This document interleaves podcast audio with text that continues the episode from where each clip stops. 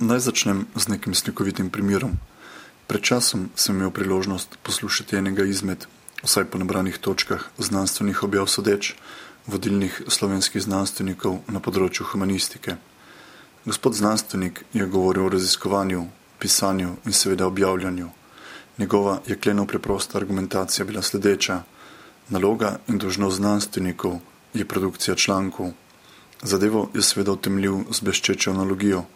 Tako kot v tovarnah producirajo izdelke, tako morajo znanstveniki producirati članke. Ker menim, da ta izjava lepo odseva duha današnje univerze, jo je vredno vzeti v premislek. Sprašujem se, kaj pomeni produkcija člankov in to znanstvenih. Jasno je, da ta, ki razmišlja na način produkcije člankov, samega sebe razume kot delavca. Po spletu takšnih ali drugačnih okoliščin ima to srečo ali pa ne mara nesrečo, da ne producira avtomobilskih odbijačev, zobnikov ali ne mara izpušnih cevi, temveč članke, znanstvene članke. Ne dela sicer z rokami in telesom, ampak z glavo, a še vedno dela in se samo razume kot delavca. To, da kaj pomeni samo razumeti se kot delavca na področju znanosti? Najprej to, da manjka elementarna zmožnost razlikovanja med različnimi področji in različnimi vrstami človeških dejavnosti. Teorija, ustvarjanje, delovanje, vse je zabetonirano v pojem dela. Še dobro, da imamo kritične duhove, ki nas vsake toliko časa spomnijo na razliko med teorijo in prakso, s čimer dodatno pripomorijo k nerazumevanju ključnih razlik med človeškimi dejavnostmi. To, kaj pomeni producirati nekaj, da nimamo brusilke ali pa znanstvene članke, da bi producirali, moramo biti seveda produktivni. Najbolj produktiven pa je tisti delavec, ki uspe sproducirati največ člankov.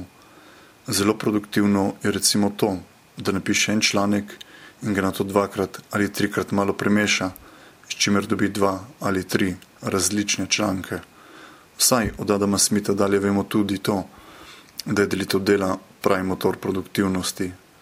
V znanosti je delitev dela odlično upravljena, saj so discipline razdrobljene, vse bolj osko specializirane, tako da lahko znanstvenik usmeri vse svoje sile v ozek segment, se specializira in postane akademsko odlično produktiven. A še bolj kot nesmisel razumevanja samega sebe kot delavca na področju znanosti in zamisli, da je moč in celo treba producirati članke, se mi zdi problematična smiselnost današnjega akademskega pisanja. To, da na kaj mirim, ko se sprašujem po smiselnosti današnjega akademskega pisanja, najbolj preprosto rečeno, gre za vprašanje po namenu in smotru pisanja. Čemu današnji znanstveniki pišejo svoje tekste, članke, knjige in podobno? Ali gre recimo za to, da se v tekstu soočijo z nekim problemom, da se svojim lastnim mišljenjem nesprostno lotijo nekega problema, oziroma drugače rečeno, ali jim gre za stvar samo, da je torej tekst in v njem razvit razmislek vse, kar šteje. Takšen pristop bi pomenil, da vse, kar šteje, tekst napisan zgolj zaradi tega, ker ga je vredno napisati. V tem primeru bi bil smisel teksta tekst sam in na vprašanje, čemu si to napisal, bi znanstvenik odgovoril: Napisal sem zato, da sem napisal to, kar se mi zdi vredno napisati. Ali še bolj preprosto in za današnja ušesa popolnoma nespremljivo rečeno pisati zgolj zaradi teksta samega, brez kakršnega koli zunanjega vzroka ali namena. To do dobi, v kateri je smisel pregran iz stvari ven, v zunanje motive, se zdi to popolnoma absurdno in nespremljivo. Podobno nespremljivo, kot da bi nekdo argumentiral, da študira zaradi študija samega, ne pa zato, da bi denimo odbil službo, da bi ne predaval, postal uspešen in podobno. In tako, kot se je univerza osvobodila svojih lastnih smotrov, s tem, ko se je odločila, da bo služila družbi, so se na ravni konkretnega znanstvenika osvobodili smotrov, smotrov svojega lastnega pisanja. Tudi ti smotri so postali docela zunani. Današnji znanstveniki pišejo tekste praviloma zato, da bi jih objavili, s čimer postane namen in smotr teksta čisto drug. Ne gre več za to, da bi napisali to, kar je vredno napisati, ne oziraje se na vse drugo, kje pa velja ravno nasprotna logika.